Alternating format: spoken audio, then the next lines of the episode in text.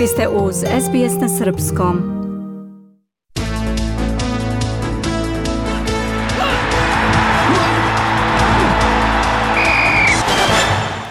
Najbolji teniser sveta Novak Đoković nije uspeo da osvoji titulu na Srbija Openu. Njega je u finalu savladao Rus Andrej Rubljov sa 2-1 u setovima. Rus je vodio sa 1-0, Đoković je izjednačio u tajbreku drugog seta. Međutim, srpski teniser je očigledno istrošio previše snage i Rubljov je bez poteškoća dobio treći set bez izgubljenog gema. Đoković je posle meča čestitao rivalu na pobedi i zahvalio se mnogobrojnoj publici u Beogradu. Dobar dan svima, Hristos Vaskrse, srećan Uskrs. A, žao mi je što se ovako završilo, Uh, žao mi je zbog uh, toga što ste doprineli da dođem do finala i uopšte da imam priliku da osvojim trofej. Izvinjavam se svima koji su danas došli što niste videli veću borbu u trećem setu. Nažalost, to je sport, um, individualni sport. Ako nešto otkaže u motoru, teško da motor može da ide, pogotovo na ovom nivou. Posle dodale trofeja, Đoković je uručio priznanja svojim dugogodišnjim saradnicima koji su imali nemerljiv doprinos za njegovu uspešnu karijeru. Beogradska publika je pozdravila trenera Marjana Vajdu, kondicionog trenera Gebharda Griča i Novakovog fizioterapeuta i kuma Miljana Amanovića. Najveći aplauz dobio je legendarni teniser i trener Nikola Pilić, 83-godišnji stručnjak kojeg je Đoković predstavio kao svog teniskog oca.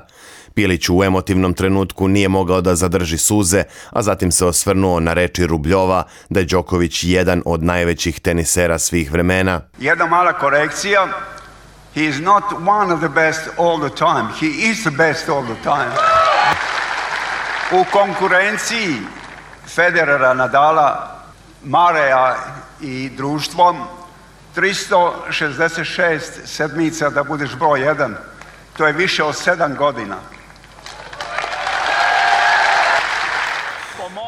svom skromnom ubjeđenju možda će trebati tisuću godina da se taj rekord obori.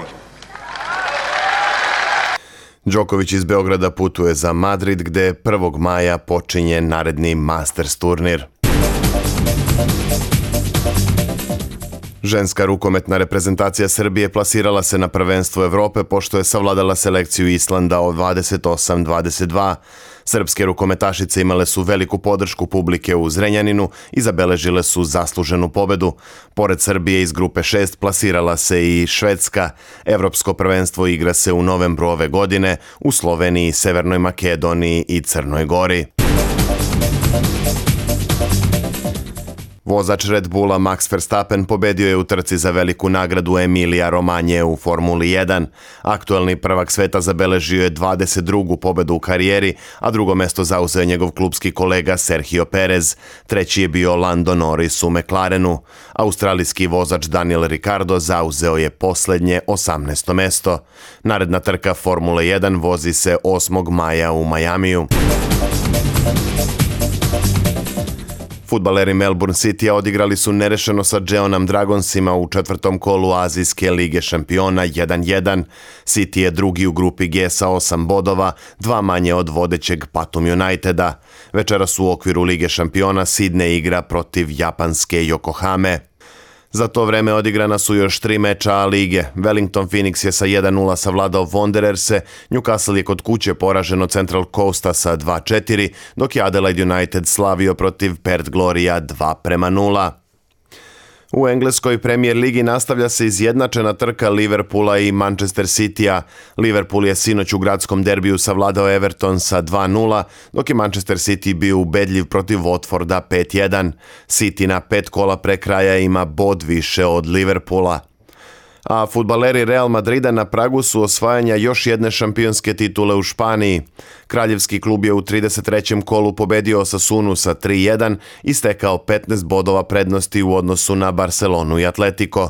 Realu je u preostalih pet mečeva potreban još samo jedan bod da bi osvojio 35. titulu prvaka države.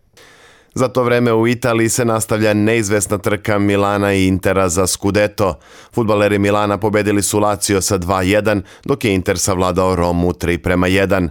Milan vodi sa dva boda prednosti, ali Inter ima utakmicu manje od gradskog rivala.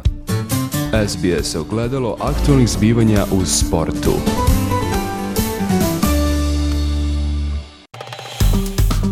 Dajte like, podelite, komentarišite – pratite SBS Serbian Facebook profil.